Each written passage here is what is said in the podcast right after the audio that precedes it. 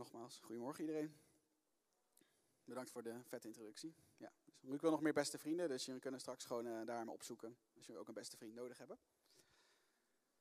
Ik, uh, zoals ook op de beamer staat, gaat het vandaag hebben over moving in you. Dus over God die dus na jou, nee, moving in you, moving to you. Oeh, anders was straks de tweede spreker boos en had ik zijn thema afgepakt. Maar moving to you, dus over God die naar jou toe beweegt. Het is, het is echt een thema wat echt de laatste jaar ook wel echt gewoon veel, ja, waar ik gewoon veel mee bezig ben. Ook van de voorganger in Amerika boeken over gelezen en zo. Het is zelfs de naam van ons. We hebben, oh wacht, ik zal mezelf nog even kort voorstellen. Ik ben dus Niels voor de mensen die het nog niet weten, maar moet ik even zeggen. En ik ben getrouwd met Anne. Anne ging net zingen. Oeh, Anne. En sinds 2,5 maand hebben we een zoontje, Noah. Ah.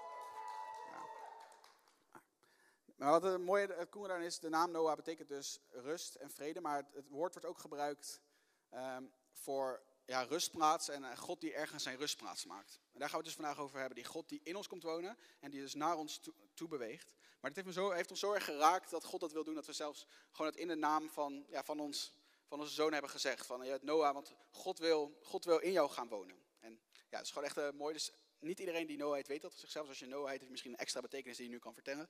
Maar het is dus echt, God wil naar je toe bewegen. Dus daar gaan we het over hebben. En we zien het eigenlijk al vanaf het begin dat God eigenlijk ergens wil wonen. Helemaal aan het begin, in Genesis 1, staat er dat de Heilige Geest over de, water, over de wateren zweefde. Dus eigenlijk een soort beeld van, God, God als geest had geen, niet echt een plek. Hij zweefde overal maar. En dan zien we dat in zes dagen zien we dat God de aarde schaapt. En dan op de zevende dag, dan rust God. Ik denk dat veel van jullie kennen dat verhaal wel. En ik dacht vooral dat het altijd ging over dat God moest uitrusten. Niet dat, ik denk niet dat God moe was, maar dat is een mooie les. God is niet moe, maar hij rust toch. Dus dat is zo een goede tip voor je leven. Probeer uit te rusten voordat je moe bent. Want als je moe bent is het vaak al te laat. Ja, mooi hè. Maar het gaat dus niet alleen maar om dat God uit te rusten. Wat ik dus ook al had, heb het eigenlijk in een boek van iemand ontdekt. Dat eigenlijk lijkt het alsof God dus die zes dagen de aarde schaapt. Omdat hij dus eigenlijk dus een rustplaats voor zichzelf wil creëren. Hij wil een plek creëren waar hij kan wonen. Dus eerst zien we de Heilige Geest zweefde over de wateren. En dan wordt de aarde geschapen, alles wordt gemaakt. God is er zes dagen mee bezig. Dan is het wel veel werk. Hè? Als God er zelf zes dagen, als je ziet wat hij in één moment kan doen. Als God ergens zes dagen bezig is, dus hij besteedde er gewoon echt veel aandacht aan. En dan daarna zien we, en God zag dat het goed was en hij rustte. En hij rustte denk ik niet, ja, het is moeilijk natuurlijk, God heeft niet echt per se dat je dat helemaal kan beschrijven. Maar hij, ik denk dat God dus rustte in de schepping. Hij rustte in de plek die hij had gebouwd. Hij had een plek gebouwd, want hij wilde graag daar zijn. Hij wilde eigenlijk ook dichtbij zijn, waar, ook waar zijn kostbaarste bezit was. Hij had de mens gemaakt als laatste en hij wilde rusten dicht bij de mens. Dus hij rustte op die dag. Dus God schiep het eerst en daarna rustte hij. Um, dus op dat moment is eigenlijk God een stukje dichterbij gekomen. Want God, ja, laten we zeggen, hij zweefde over de wateren, dat was verder weg. En nu woont hij op aarde. Hij, hij rust op de aarde. Dus dat is iets dichterbij. Van zweven naar wonen. Is niet veel dichterbij, maar wel iets dichterbij. Dus God komt dichterbij. God beweegt naar ons toe. Maar ergens, op een gegeven moment kom je erachter dat God dat eigenlijk dus niet dichtbij genoeg vindt. Want op een gegeven moment dan ehm, komt Mozes en dan komt Egypte, er komen heel veel plagen en er komen nog heel veel dingen bij Mozes. Maar op een gegeven moment zegt God tegen Mozes, terwijl Mozes het volk eigenlijk aan het uitrijden is en hij is het volk, eigenlijk heeft God gekiest een volk uit het volk Israël, dat doet hij bij Abraham al. En want de, opvolgingen van Abraham worden zijn volk. En op een gegeven moment zegt hij eigenlijk tegen Mozes van, hé hey Mozes, je moet een hele mooie tent bouwen. Um, en hij geeft ook hele specifieke instructies. Alsof God eigenlijk zegt van, ik woon nu op de aarde, maar het was mij niet dichtbij genoeg. Ik, ik woon er wel, maar ik, wilde echt, ik wil nog dichterbij. Ik wil eigenlijk in jullie midden wonen. En volgens mij is het ook letterlijk zo, als je van die praatjes, van die bijbels, van die praatjes hebt, dan zie je ook al die tabernakel, dat eigenlijk het hele volk was soort van om die tabernakel heen opgesteld. Want God wilde zo dichtbij mogelijk bij zijn volk wonen. En eigenlijk was dus een tent maken, waar hij soort van gaat wonen, dichterbij. Dus we zien het weer dat God dus een stap dichterbij zet. En, er, en we lezen ook in Exodus 25, vers 8 en 9. Dan lezen we over wat God dan zegt tegen, tegen Mozes. En dan zegt Mozes, en zij moeten voor mij een heiligdom maken. Zodat ik in hun midden kan, kan wonen. Volgens alles wat ik u zal tonen, een ontwerp van het, de tabernakel en een ontwerp van al zijn voorwerpen, zo moet u het maken. Dus we zien ook dat God, Gods rustplaats, dus niet dat hij overal zomaar gaat wonen. Het boeit hem dus ook hoe die rustplaats ontworpen is. Dus hij, hij heeft ook iets over te zeggen. Hij zegt van, hé, je moet een tent bouwen, maar niet, doe maar een tent, ik ga wel. Hij gaat heel specifiek. Hij gaat volgens mij zelfs de eerste keer dat, uh, dat wordt gezegd dat iemand, iemand eigenlijk, hij een geest op iemand rusten, is ook daar dat je dus ziet dat, dat er iemand moet worden geroepen. Die kan het mooiste, wat maakt die, doeken of zo? Ik weet niet, die raakt iets heel creatiefs, heel mooi. Die, die kan die tabernakel of de tempel, is die kan het heel mooi maken. Um, zo belangrijk vindt God het zelf. Dat hij zegt, ja, je kan niet zomaar iemand nog maken. Er moet iemand zijn die echt, waar ik op rust, want dit is zo belangrijk. Het boeit mij hoe mijn huis eruit ziet. Dus God wilde dus nog dichterbij wonen. Zo dichtbij, en het was handig een tent, want ja, de Israëlieten die moesten 40 jaar in de woestijn. En die gingen heel vaak heen en weer. Ik weet niet. Ergens was al gezegd dat ze 40 jaar in de woestijn. Dus ik zou zeggen, blijf gewoon lekker op dezelfde plek. Want ze wisten precies waar ze over 40 jaar moesten zijn. Maar blijkbaar wilden ze rondjes rennen of zo. Maar God, die tabernakel, die ging dus mee overal. Want God wilde in hun midden zijn. Dus dan moesten ze elke keer weer de tent opzetten. En dan moesten ze weer tent neerzetten. En dan moesten ze weer tent eromheen zetten. Want God wilde in het midden van hun volk zijn. Zo. Ik praat soms een beetje, nou ik zie dat Marcel het vertaalt. Dus om Marcel een beetje te helpen ga ik proberen ietsje langzamer te praten. Oh, oké. Ja, ja, kan je zo snel vertalen? Ziek. Wow. Maar uiteindelijk zien we dus dat, um, dat, dat het tabernakel wordt een tempel. En ik had het even opgezocht van, was het nou dat God op een gegeven moment soort van zei van, ik vind het tent niet leuk, ik wil in een huis wonen. Maar eigenlijk was het helemaal niet zo. Ik denk, het lijkt alsof God eigenlijk het tabernakel gewoon eigenlijk wel goed genoeg vond. Het is David zelf, die op een gegeven moment gaat hij met de profeet Nathan praten en zegt hij, hoe kan het nou dat ik in een huis woon en God nog in een tent? Want ja, ze hadden toen het land Israël ingenomen, er was toen één plek geworden. En dan dacht hij waarschijnlijk, ja, waarom nog een tent? Blijf toch op dezelfde plek. Um, maar het is dus niet dat God dat zelf wil, dat is wel interessant. Eigenlijk zegt David dat. En dat is ook echt iets wat je ook in de psalmen ziet. David boeide ook hoe het huis van de Heer was. Hij had geleerd dat God hem boeide hoe zijn huis eruit zag. Maar het staat echt ook in de psalmen dat, en dat zie je ook eens, dat komt straks nog terug, dat Jezus dat ook zegt, dat de ijver voor Gods huis had David verteerd. Hij had zoveel liefde voor Gods huis en dat hij ook van God geleerd.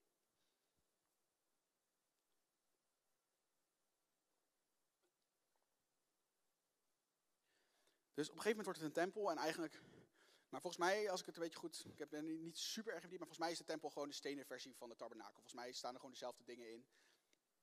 En uiteindelijk denk je van, oké, nu is het één plek in Jeruzalem, daar woont God. Kan God nog dichterbij wonen? Hij woont echt in een gebouw, dicht bij ons. Weet je wel, als je in Jeruzalem Centrum woonde, kon je gewoon zeggen, God woont om de hoek. Hij woonde gewoon zo dichtbij. En dan kan hij nog dichterbij wonen. Ja, het antwoord is ja, God kan nog dichterbij wonen. Ik denk dat jullie wel dachten dat ik niet nee en dan mijn preek zo afsluiten, maar het antwoord is echt ja, God kan nog dichterbij wonen. Want wat zie je dan, hoe komt God dan dichterbij wonen? Dan dat God een soort van als geest in huis wonen? Is doordat God mens wordt. Hij komt als Jezus op aarde wonen, letterlijk als een mens. Nog dichterbij. Het was niet een soort van in het heilige, daar ergens in een huis, wat al super dichtbij was. Hè? God komt al heel dichtbij. Maar hij wilde nog dichterbij komen. En hij werd gewoon een mens. Hij werd eerst zelfs een klein babytje en uiteindelijk werd hij een man, maar die gewoon, waar je gewoon mee kon praten. Dichterbij kan eigenlijk niet, want je kon gewoon aan hem gewoon vragen van, hey, hoe is het? Kon je gewoon vragen. Zo dichtbij. En dan kon je niet meer een antwoord geven, dan zei hij waarschijnlijk, wees gezegend, het koninkrijk is dichtbij of zoiets. Maar je kon in ieder geval vragen, hoe is het? Zo dichtbij was God. Yes. Ook een van de namen van God is ook Emmanuel. Jezus heeft meerdere namen, maar Emmanuel is een van de manieren hoe hij wordt genoemd. Dus God met ons. God in ons midden. God is zo dichtbij, door Jezus is hij zo dichtbij gekomen, hij is in ons midden komen wonen. Zo zien, jullie een soort van dat beeld vanaf Genesis, van dat God zweeft en ver weg is, dat hij probeert zo dicht mogelijk bij ons mensen te zijn. Hij, zoals we zeggen, hij beweegt naar jou toe, beweegt naar ons toe. En ik denk, ja, wie zou er wel willen hebben geleefd in de tijd dat Jezus leefde? Oh, je had helemaal geen wc's en zo toen hoor, maar oké. Ja, natuurlijk, want hoe cool is het dat je erbij was dat het brood vermenigvuldigd werd, dat Lazarus uit, uit het graf op werd gestaan, dat al die de bergen, dat je dat zelf live mocht Hoe cool was het? Ik kijk nu ook wel eens de Chosen, ik weet niet wie dat zie, en dan denk je, oh, daar had ik wel bij willen zijn. Het is gewoon zo mooi, omdat je dan zo dicht bij Jezus. En eigenlijk, ja, ik denk dat heel veel mensen zeggen, maar het rare is dat Jezus zelf zegt daar eigenlijk iets anders over. Dus over dat wij zeggen, we willen misschien liever toen wonen dan, wonen, hebben geleefd dan dat we nu hier leven, zegt Jezus zelf in Johannes 16, vers 7, zegt hij, maar geloof mij. Het is beter voor jullie dat ik wegga. Want als ik niet wegga, kan de helper niet naar jullie toe komen. Maar als ik wel wegga, kan ik hem naar jullie toesturen. Dus Jezus zegt eigenlijk van, het is, eh, dit is echt super fijn dat ik hier nu bij jullie ben, maar ik weet zeker, het is nog veel beter als ik weer ga. Want dan kan ik de helper sturen. En zoals denk ik misschien veel van jullie weten of sommige niet, de helper staat dus voor de Heilige Geest. Dus Jezus zegt, het is, echt, het is goed dat ik hier ben, maar het is nog beter. Het is tot uw voordeel staat er, dus we kunnen er voordeel mee doen dat ik weer weg naar de hemel ga. Moet je voorstellen, was echt Jezus was echt een vriend geworden van de discipelen. Ze gingen hem denk ik echt, ik denk dat ze hem ook wel echt hebben gemist. Ook gewoon dat ze weer Jezus fysiek konden zien. Maar zelfs voor de discipelen, het is, zegt Jezus, het is beter als ik ga, want dan kan ik de helper sturen. Dus bijbels zien zou je liever nu moeten willen leven dan toen. Want volgens Jezus is het beter nu. Want nu is Jezus weggaan en heeft hij de helper kunnen sturen. En ook daarover, en dan is weer de vraag, kon het dus nog dichterbij? Kon het nog dichterbij dan dat je naast het meer van Galilea, naast Jezus kon zitten en dat je gewoon met hem kon praten? Kon het dichterbij? En antwoord is weer ja. Want wat is de stap nog dichterbij? Dat God, dat je, God niet tegenover je zit om mee te praten, maar dat God in ons komt wonen. God maakt de laatste stap zo dichtbij, want hij gaat naar ons hart, naar de kern van ons. Dichterbij kan niet. Hij komt in ons midden, letterlijk in ons lichamelijke midden. Hij komt in ons wonen. En God die beweegt zorg naar ons toe dat hij in ons komt wonen. En we zien dat zelf, daarom worden wij uiteindelijk, door, door, best wel vaak door Paulus, worden wij zelf een tempel genoemd. Wij zijn die rustplaats van God geworden. Dat is ook wat ik vertelde. Wij hebben onze zoon Noah genoemd, want hij is een rustplaats, hij is een tempel. En God wilde altijd een rustplaats. Hij, hij schiep de aarde. Hij, hij ging, dus hij ging op aarde wonen. Toen ging hij in de tabernakel wonen. Toen ging hij in de tempel wonen. En toen kwam hij dichtbij. Toen ging hij in ons hart wonen. Hij kwam zo dichtbij. En dat zegt Paulus ook in 1 Korinthe 3, vers 16.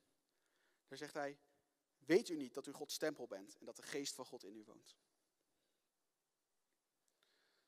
Ja, hij, kwam, hij, hij woonde, in, hij woonde van, de, naar de aarde, van ergens bij aarde naar een tent, naar een kribbe, misschien naar een huis in Nazareth, tot ons hart. Dat is een soort van de eindbestemming van waar God wilde gaan wonen.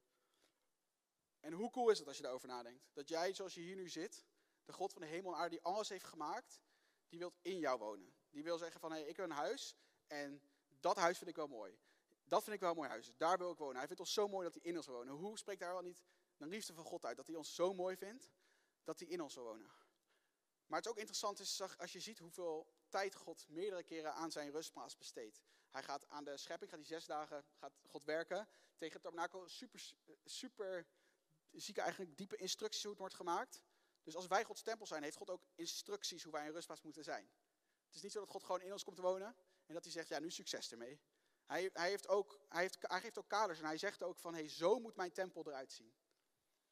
Dus eigenlijk zou je misschien wel ook aan het Nieuwe Testament, al die brieven van Paulus kunnen zien als gewoon de nieuwe beschrijving van het tabernakel. Maar dat is dan dus nu wij, ons leven. Wij zijn de nieuwe tabernakel, wij zijn de nieuwe tempel. En ik wil naar een verhaal kijken waar we dus zien hoe Jezus dus omgaat met de tempel. Dus er is, een, er is een heel beroemd verhaal van Jezus en de tempel. Ik denk dat veel van jullie het wel kennen. Het is ook een uh, bekend stuk omdat het een van de weinige keren is dat we Jezus boos zien worden eigenlijk. Um, dat staat in Matthäus 21, vers 12 tot 14. Ik heb denk ik niet de Bijbelteksten naar de Beamer persoon geappt, zoals ik dat wel zou doen. Dus daarom staan ze er niet op. Dat is mijn, dat is mijn schuld, niet de schuld van de Beamer. Um, kan uh, Matthäus 21 wel op de Beamer komen toevallig? Nee? Is dat nee of ja? Duim omhoog of naar beneden? Nee, geen... Uh, Oké, dan mag je het zelf opzoeken als je dan ook in je Bijbel of een mobiel of je luistert goed naar mij. Maar het, staat dus in, het is maar een kort verhaal. Matthäus 21, vers 12 tot 14.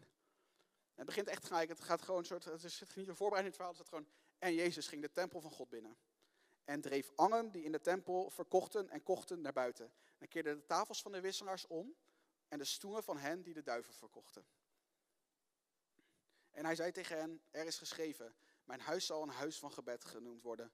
Maar u hebt er een rovershol van gemaakt. En er kwamen blinden en kreupelen bij hem in de tempel en hij genas hen. En dit is in Matthäus, en volgens mij staat dit verhaal in alle vierde evangelie. En in één evangelie staat er ook dat de discipelen hem zien en dan denken, wacht eens, hier hebben we iets over gelezen. En dan gaan ze terug naar psalm en dan die, die tekst van, uh, de ijver voor uw huis heeft mij verteerd. Dus ik hou zoveel van uw huis. Dat, zegt, dat staat in psalmen, maar dat wordt ook als een profetie gezien. Van de Messias, die zou heel erg van Gods huis houden. En als Jezus dit doet, is dat dus dat de discipelen denken dan, oh dat is echt waar. Zoveel houdt, houdt de Messias, hij zou wat Messias zijn, want hij houdt zoveel van Gods huis. En, ja, en die mensen kennen het dus een soort van, God is boos en dat is ook misschien ook wel een moeilijk stukje, want Jezus is toch vriendelijk en aardig, waarom wordt hij dan boos? Um, en ik heb ook wel eens mensen horen zeggen van, ja, we mogen boos worden, Jezus werd ook boos. Dat heb ik ook wel eens horen zeggen. Maar het is wel goed om te zien, hè? Jezus wordt niet boos omdat hem iets wordt aangedaan. Het is niet, als, als Jezus wordt gegezeld of als hij als die wordt gekruist, al die dingen, zie je nooit, hey, stop eens, jullie zijn niet aardig tegen mij. Maar hij wordt alleen boos als, hij is eigenlijk boos als hij soort van, ziet dat het huis van God, dat de eer van God soort van, niet wordt gedaan.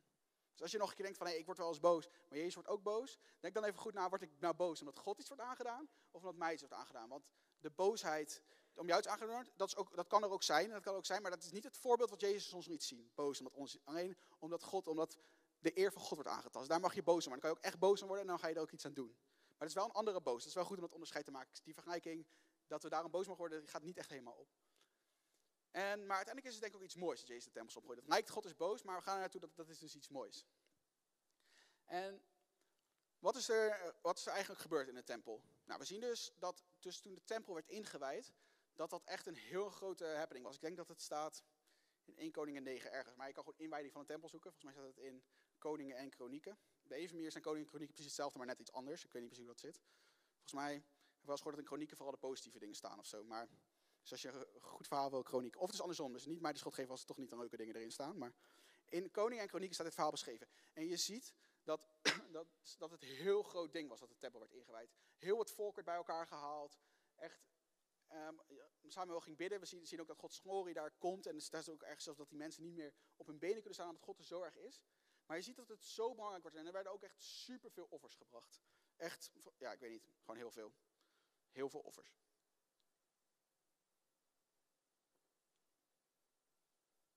En er werden dus echt superveel offers gebracht en heel het volk boeide het, want God komt nu in de tempel wonen. En wat, het, wat eigenlijk wat je, wat je kon zien is dus, iedereen die gaf heel veel offers en toen kwam God kwam met zijn glorie. Dus ik heb het hier opgeschreven, er werd alleen maar gegeven in de tempel. Mensen kwamen erheen om te geven en het enige wat ze er konden krijgen was God zelf. Dus ze gingen naar de tempel om te geven en wat kregen ze? God kwam.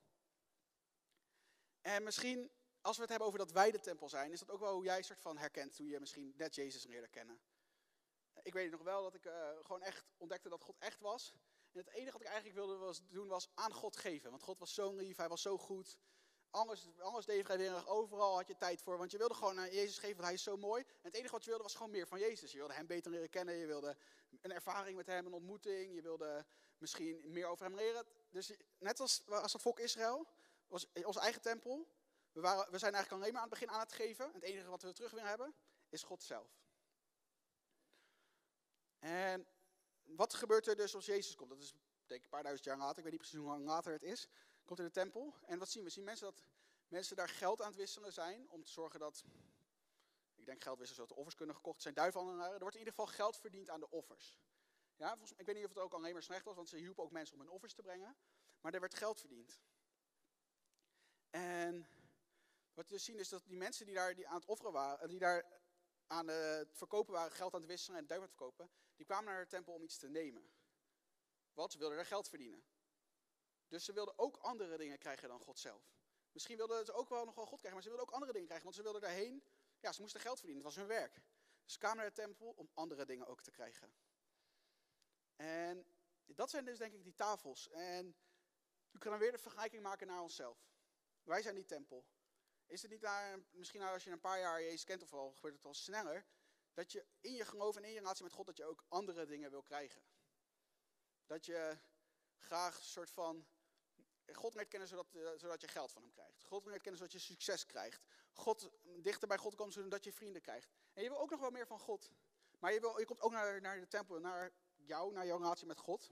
Jij bent de tempel geworden. Dan ga je ook, richt je ook op omdat je andere dingen wil krijgen. En misschien herken je dat wel. En eigenlijk is de vraag die ik vandaag gewoon bij jullie neer wil leggen. Stel je voor dat Jezus bij jouw tempel vandaag komt. Jij bent nu de tempel. Jezus komt het tempelplein op. Wat, hoe zou hij het noemen? Zou hij het een huis van gebed noemen? Of zou hij zeggen, dit is een rovershol? Zou, zou hij zo blij worden van hoe jij je tempel God hebt ingericht? Of zou hij zeggen, staat hij vol met tafels die niet van God zijn. Dit is een rovershol. En dan nog specifieker, als er dan, dat we ook gewoon concreet worden vandaag. Als er dan tafels zijn, wat zijn dan die tafels, die dingen die jij ook wil hebben, die niet van God soort van zijn, die je wel van God wil krijgen, of dingen die soort van de plek van God hebben ingenomen in jouw tempel. Wat zijn jouw tafels?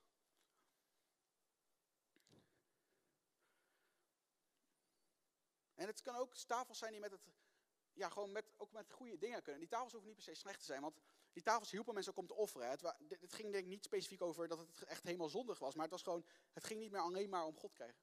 Iets voor mezelf, waar ik ook in deze voorbereiding weer achter komt, is dat dit evenement en streven en zo, dat is voor mij denk ik wel gewoon een tafel. Ik vind het gewoon zo cool om te zien dat meer jongeren Jezus leren kennen. En daar wil ik gewoon echt zoveel voor doen, want ik heb zelf gewoon ontdekt hoe goed hij is. En nu wil ik dat jongeren die hier zitten ook ontdekken. Hij is geweldig. Maar als je zo'n evenement aan organiseren bent en je met tickets aan het verkopen, dan kan het wel gewoon op een gegeven moment, dat wordt gewoon belangrijk. Want ja, we moeten ook de zaal vol krijgen, want het is best wel een grote zaal. Je bent ook daarmee bezig natuurlijk. En het is niet, niet per se verkeerd dat we dat willen. Want we willen dat er meer, ik wil dat de zaal nog veel voller zit, omdat er meer jongeren moeten leren dat Jezus het volgen waard is. Maar het kan voor mij soms wel de plek innemen van dat ik naar de tempel kom om God te zoeken. Want ik ga bijvoorbeeld, deze week ga ik naar God toe om deze preek te maken. Het is niet per se verkeerd, maar ben ik deze week ook wel naar God toe geweest omdat ik alleen hem wilde hebben. Of ik ben misschien aan het bidden dat het evenement goed loopt. Dat is helemaal goed, daar moeten we ook voor bidden. En dat is ook belangrijk. En we willen dat het een cool evenement wordt, dat we allemaal God ontmoeten. Maar ik merkte dat het bij mij wel de plek soms inneemt van dat ik alleen God wil hebben. Dus dat is, het is niet per se iets verkeerds. Maar het is wel een tafel niet, die niet per se gelijk naar God leidt. En dit is een voorbeeld voor mij, maar denk eens voor jou na. Wat, wat zou een tafel kunnen zijn? Misschien, het zouden ook zondes of gewoontes kunnen zijn die gewoon in de weg gaan zitten van God. Maar het kan ook inderdaad iets, misschien iets goeds zijn, maar wat je nu liever wil hebben dan dat je God zelf wil hebben.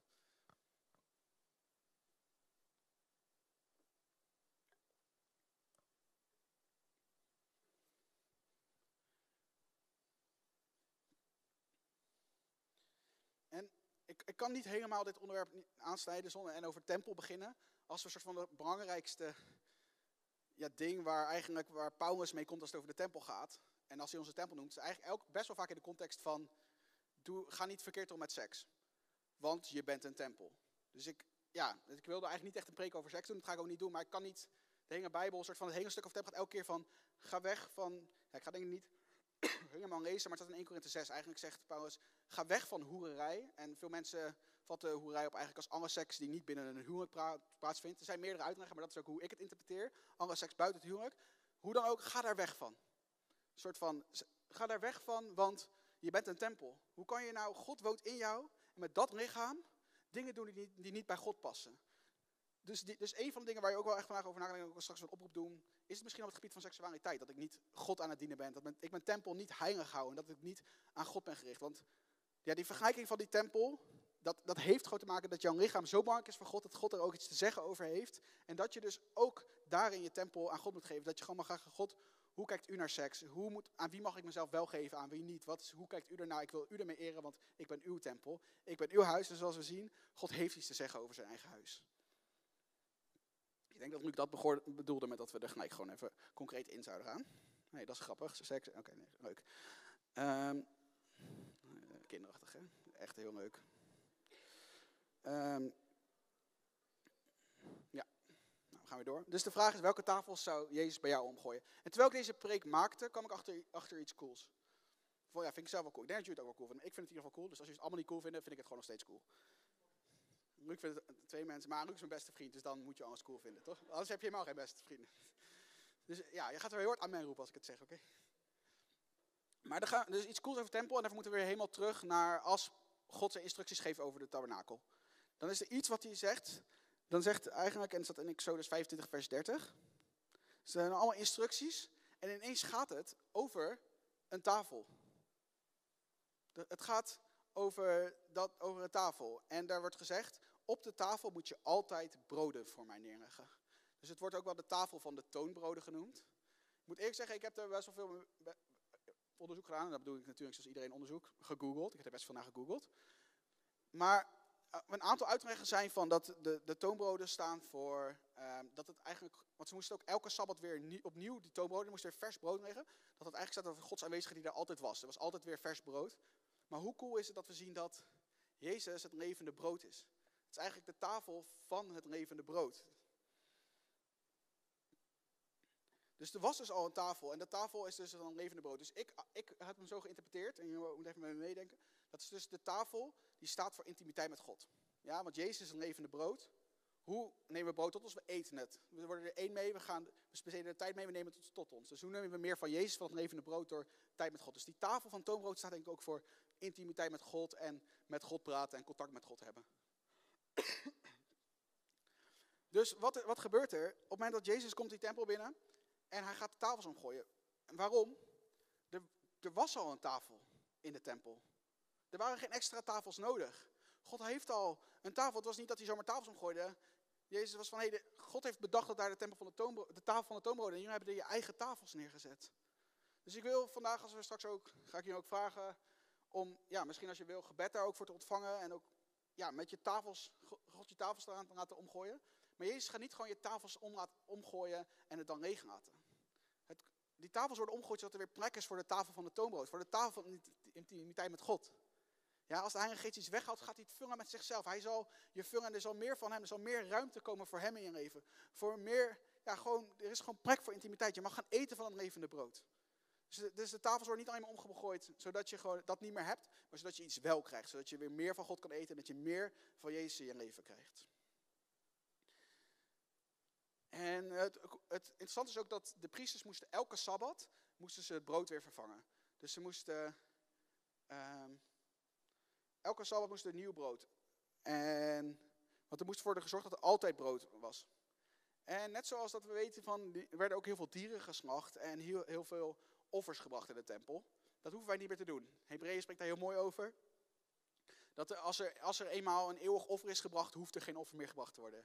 Dus Jezus is gestorven, het lam is geslacht, nu is er geen offer meer nodig. We hebben altijd toegang tot God. Maar ook dit beeld. De priesters moesten elke week weer brood neerleggen. Elke week moesten ze weer brood neerleggen. Maar daar heeft Jezus nu voor gezorgd, want hij is gestorven en hij is het levende brood. Wordt ook wel eens gezegd dat het staat in onze Vader, geef ons ons dagelijks brood. Dat je het ook wel kan lezen als geef ons ons eeuwige brood. Het brood wat gewoon voor altijd goed is, voor altijd vers is en voor altijd onze voeden, waardoor we geen honger meer zullen krijgen. Dus wij hoeven niet meer brood op de tafel te leggen en onze relatie met God helemaal te maken. Jezus heeft gezorgd dat we en geen offers meer hoeven te brengen, maar ook dat er altijd brood op de toontafel zou liggen. Hij is, hij is meer dan genoeg brood, voor altijd. Zoals Jezus zelf het offer werd. Jezus heeft geen offer gestuurd, Jezus werd het offer. Zo heeft Jezus ons geen brood gestuurd, Jezus werd het brood voor ons. Hij zelf is hetgeen wat we nodig hebben om genoeg te hebben in ons leven. En het is ook goed om te bedenken dat we ons niet kunnen, we, hoeven dat dus niet meer te doen. We hoeven geen broden daar meer te leggen, we hoeven geen offers meer te brengen. Maar het zijn nog steeds wel beelden van de manier waarop God dus had ingericht dat mensen hem aanbidden, kunnen we wel van leren. Want we hoeven geen offers meer te brengen, maar God, we mogen wel offers brengen. Niet meer omdat we een relatie met God willen verdienen, maar we kennen nu God en nu gaan we offers brengen. We geven onze tijd, we geven ons geld, we geven onze aandacht, we geven onze vriendschap op als het nodig is. We geven offers. En dat is nog steeds goed. En zo denk ik dat het nog steeds goed is om te zorgen dat het brood altijd op die tafel blijft liggen. Dus dat je elke sabbat, dus elke week gewoon, elke keer opnieuw weer brood op de tafel neerlegt. Dus dat je weer werkt aan je intimiteit met God. Dat je gaat zeggen, er moet hier brood zijn, want ik moet met God praten. Dus we hoeven niet meer, het soort van, wij hoeven niet meer voor, God heeft al gezorgd voor genoeg brood. Maar van die principes kunnen we wel leren. Het is goed om offers te brengen. Het is goed om brood naar die tafel te brengen. Om tijd met God, om met hem te praten, om hem beter te leren kennen. En langzaamaan mag het worship team alweer naar voren komen en ook het ministry team al wel, ja.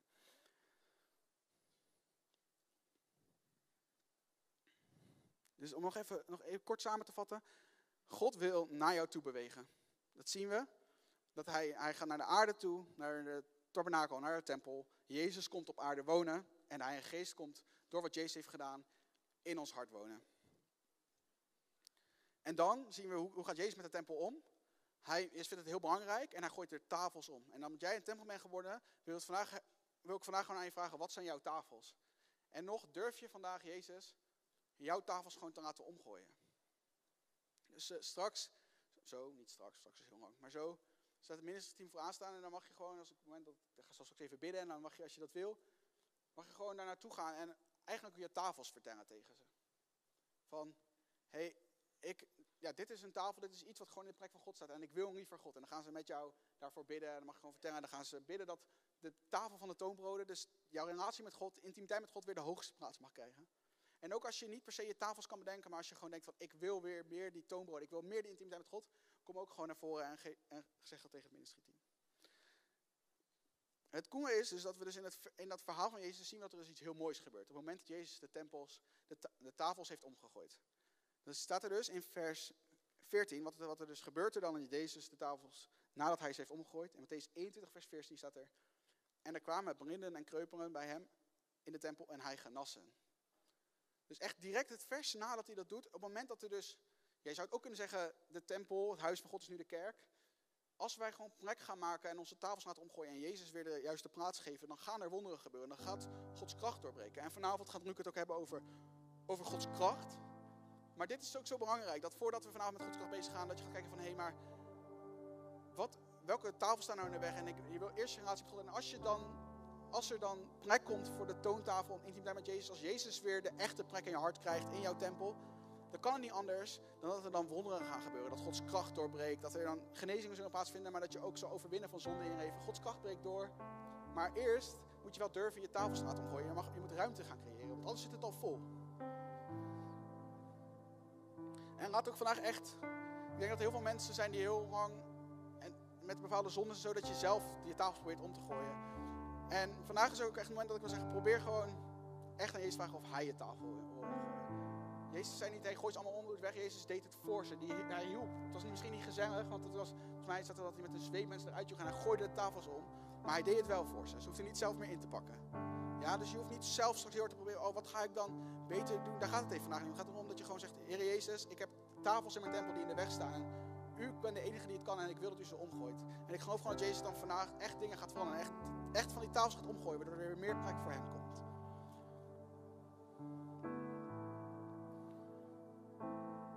Ja, dus uh, mensen die mag gewoon uh, hier zo voor aan gaan staan. Dat, uh, en ja, dat is dus ook waar ik vandaag echt gewoon de vraag die gewoon bij jullie richt. Ik heb het vaker herhaald, maar ik vind het zo belangrijk. Van wat zijn jouw tafels? En durf je gewoon Jezus te vertrouwen dat de tafel die hij in de tempel wil staan een stuk beter is dan de tafels die je er zelf neer kan zetten. Zelfs als het zoals ik vandaag in mijn geval soort van vertelde, dat dit organiseren een tafel kan zijn, zelfs als iets goeds, Durf je dan Jezus te vertrouwen dat zijn tafel echt vele malen beter is en echt leven en eeuwig leven geeft? Ja. Zodat ons leven, ons huis echt een huis van gebed zal zijn. Dat is gewoon Gods doel met ons, dat wij een rustplaats worden en dat we daar een huis van gebed zullen worden. En ik ga, ja, ik zal, ik zal, ik ga gewoon bidden met God. Lieve Jezus. Dank u wel, Heer, dat u uh, het eeuwige brood bent geworden. Heer, dank u wel dat u gewoon een, een ontwerp heeft voor uw huis, Heer. Dat u weet hoe we ons leven best kunnen inrichten, zodat we een tempel van u kunnen zijn, Heer. Heilige Geest, u bent zo welkom, Heer, om onze harten aan te raken. Wijs ons aan, Heer, waar gewoon de tempels in ons leven staan. Wijs ons aan, Heer, waar, ja, waar gewoon plekken in ons leven zijn waardoor we ook in, uw relatie, in een relatie met u niet meer u alleen willen hebben, maar ook andere dingen willen krijgen. Neemt u weer de hoogste plekken neer. Laat ons zien hoe mooi u bent, Jezus, en hoeveel meer u waard bent dan alle dingen die we zelf willen hebben. Heer, en gooi vanavond gewoon, vandaag, Heer, gooi onze tafels om, Heer. Ja, Heer ik vraag het u gewoon vrijmoedig, Heer. Gooi gewoon alle tafels die we hebben gewoon om vanavond, Heer, zodat u uw plek krijgt, Heer. In uw huis, Heer. Heer, u heeft voor ons betaald, Heer. Heer, wij zijn nu van u, wij zijn nu uw tempel geworden, Heer. Dus gooi gewoon onze tafels om, want u, Heer. U bent beter ook gewoon namens iedereen wil ook gewoon vergeving vragen dat we andere tafels mooi hebben gevonden. Want u bent zoveel beter en u bent zoveel mooier. Dus Heilige Geest, kom en doe uw werk. Ja, dus ik, ik wil gewoon uh, ook gewoon vragen als jij op dit moment. Het gaat er niet om dat je. Het gaat er niet om dat je nu staat zodat er veel mensen gaan staan of iets. Maar het gaat erom dat je gewoon een keuze voor jezelf maakt. En ja, dan is het soms zo goed om gewoon te weten: hey, toen, vorige week zaterdag, toen ben ik gewoon gaan staan. Ik heb die tafel omgegooid gewoon jezelf te herinneren. Dus als jij echt tafels in hebt en je wil echt meer van God, dan mag je gewoon nu gaan staan en naar het ministry team toekomen. En dan zal straks de worship gaan spelen. En ja, je bent welkom om gewoon je tafels te vertellen. En als je geen specifieke tafels hebt, ben je zo welkom om gewoon te vragen of ze willen bidden van meer van die tafel van Tobro, meer van die intimiteit in je leven. Dus je bent welkom om uh, op te staan naar het ministry team toe te gaan, terwijl we een moment van aanbidding